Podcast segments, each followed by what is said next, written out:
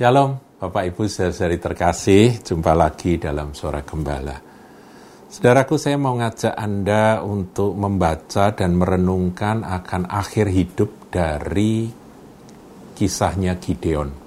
Kita tahu Gideon itu dulunya seorang bukan siapa-siapa, tapi karena dia dipilih Tuhan, dia diurapi Tuhan, dia akhirnya menjadi pahlawan Israel dan diangkat menjadi salah satu hakim di zaman hakim-hakim umat Tuhan. Nah, keberhasilan Gideon memang dahsyat, saudaraku. Itu saudara bisa baca di dalam hakim-hakim 6, 7, 8 ya.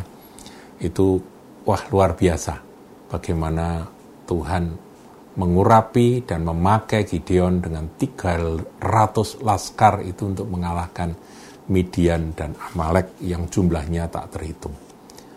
Nah, ini yang kita akan renungkan adalah setelah Gideon menjadi pahlawan, setelah Gideon menjadi orang besar.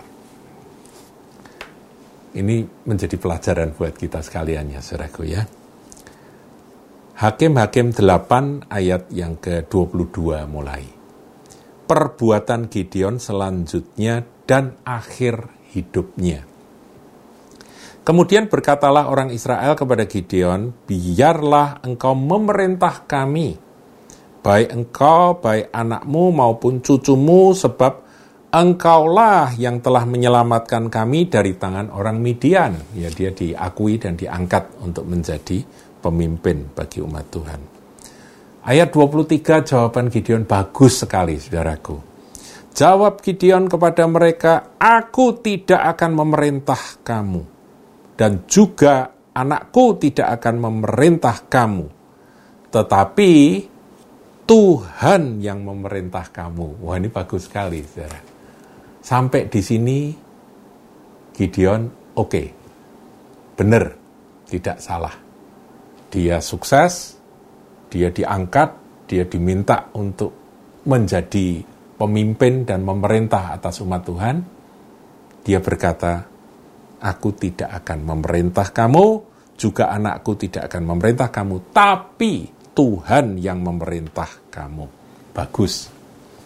Tapi ayat berikutnya kurang bagus, saudaraku. Dan fatal akibatnya. Kita lihat ya. Selanjutnya kata Gideon kepada mereka, satu hal saja yang kuminta kepadamu Baiklah, kamu masing-masing memberikan anting-anting dari jarahannya, karena musuh itu beranting-anting emas, sebab mereka orang Ismail. Jadi orang Ismail itu pakai anting-anting emas, itu kan dijarahkan. Itu kumpulkan, kumpulkan. Masing-masing anting-anting itu kumpulkan. Ayat 25, jawab mereka, kami mau memberikannya dengan suka hati, ya, karena mereka betul-betul merasa utang budi ya dan mengagumi akan uh, Gideon ini. Dan setelah dihamparkan sehelai kain, maka masing-masing melemparkan anting-anting dari jarahannya ke atas kain itu. Klonteng, klonteng, klonteng, klonteng, klonteng, emas semua, saudaraku. Wow, berapa banyak, saudara? Ayat 26. Adapun berat anting-anting emas yang dimintanya itu ada 1700 shikal emas. Belum terhitung bulan-bulanan, perhiasan telinga, dan pakaian kain ungu muda yang dipakai oleh raja-raja Midian. Dan belum terhitung kalung rantai yang ada pada leher unta mereka. Orang Midian ini kaya-kaya, saudaraku. Unta aja dikasih kalung rantai, saudaraku. Rantai apa tidak disebut. Menurut saya emas ya, kalau bukan emas kan tidak di, ditulis, saudara.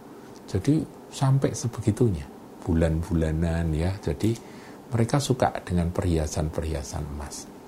Itu dikumpulkan semua. Nah, saya coba hitung saudaraku. Di situ dikatakan 1700 shikal emas. Shikal emas itu satu timbangan yang dipakai pada zaman itu. Nah, kalau kita konversikan dengan gram, saudaraku. Totally 1700 shikal itu adalah 19.380 gram. Jadi 19 kilo lebih. 19 kilo emas loh saudaraku. Wow itu. Sekarang harganya berapa mas saudara? Harga emas mungkin berapa? 800 ribu ya. Ya katakan 800 ribu. Kali 19 ribu. Wow. Sudah hitung sendiri saudaraku ya. Saya nggak mau ngajak saudara untuk ngitung ngitung harta hartanya si ini si siapa Gideon ayat 27, saudara. Kemudian Gideon membuat efod dari semuanya itu. Efod itu apa sih? Efod itu baju kebesaran, saudaraku, yang biasanya dipakai oleh para imam-imam, imam besar. Baju. Dipakai. biasanya dipakai. Ya, yang pakai tentunya Gideon sendiri ya, membuat effort dari semuanya itu sangat bagus ya dari emas saudara ya emas lempeng-lempeng begitu ya ukir-ukir begitu dan menempatkannya di kotanya di Ofra. Entah ditaruh di mana itu. Mungkin dia punya tempat khusus gitu ya. Dia bangun tempat khusus ditaruh di sana. Sebagai apa saya sebagai kenang-kenangan lambang kesuksesan keberhasilan kejayaan dan kehebatan Gideon. Artinya, Gideon membuat sebuah monumen bagi keberhasilan dirinya. Dia memang hamba Tuhan yang luar biasa. Tapi untuk apa dia bikin monumen itu? Kenangan, bukan kenangan kemuliaan Tuhan, tapi kenangan kemuliaan Gideon.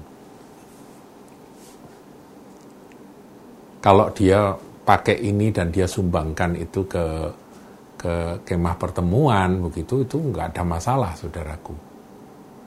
Tapi enggak ini. Ini dia bikin effort. Dia bikin effort, kemudian effortnya itu ditempatkan di suatu tempat yang tentunya khusus dan semua orang bisa melihat dan mengagumi. Nah, ketika orang melihat itu yang dikenang apa saudaraku? Gideon hebat, Gideon jago, Gideon uh, pemimpin kita yang gagah perkasa. Itu aja yang mereka ucapkan, mereka ingat ketika mereka melihat akan effort itu. Bukan Tuhan yang hebat. Paham saudaraku? Pesan apa dari kisah ini saudara? Kita baca lebih lanjut ya. Di sanalah orang Israel berlaku serong dengan menyembah efod itu. Inilah yang menjadi jerat bagi Gideon dan seisi rumahnya. Jerat itu adalah sesuatu yang membuat Gideon ini tidak bebas dari kesombongan, tidak bebas dari ya kebanggaan dari pemujaan orang-orang terhadap dirinya. Efod itu ini kesalahan Gideon sangat parah, saudaraku. Nah, di zaman sekarang ini, hamba Tuhan yang melakukan hal sebesar sehebat apa pun harus ingat kisah Gideon. Biar segala kemuliaan kembali kepada Dia yang layak menerima kemuliaan. Kita ini adalah bejana tanah liat. Jadi kalau Tuhan memakai kita, ya kita tetap tanah liat, saudara kita bukan bejana yang terbuat dari emas, bukan. Biar orang memandang diri kita seperti apa yang ada padaku dengan segala kelemahan dan kekuranganku. Itu yang disampaikan oleh Rasul Paulus. Paulus berkata, Tuhan memberi padaku duri dalam daging supaya aku tidak sombong supaya aku tidak memegahkan diri dengan hal-hal besar yang hal-hal yang dahsyat yang luar biasa yang aku terima. Tetapi biar mereka melihat nih loh aku duri dalam daging ada padaku. Itu lebih baik, saudaraku, itu lebih aman. Dia bebas jerat dengan adanya kelemahan-kelemahan yang ada yang dia uh, terbuka di hadapan dia menjadi menjadi surat terbuka di hadapan semua orang, dia justru selamat, dia justru aman dari kesombongan dan jerat kesombongan, saudaraku ya. Tapi Gideon malah membuat jerat bagi dirinya sendiri. Itulah effort yang dia bikin untuk mengenang kejayaan dan keberhasilannya. Saudaraku hamba-hamba Tuhan, para pelayan Tuhan, sehebat apa pun kau dipakai Tuhan, mari kita ingat akan hal ini. Nggak perlu kita bikin monumen untuk diri kita sendiri. Suatu nanti tubuh kita akan kita tinggalkan kemah ini dan kita akan bergabung dengan dia, Tuhan yang kita kasih.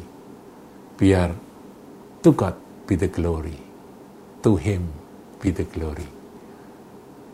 Tuhan Yesus Kristus yang termulia dan dialah yang berhak menerima segala kemuliaan aku tidak layak menerima kemuliaan apa pun juga. Kemuliaan hanya bagi Dia. Tuhan Yesus memberkati.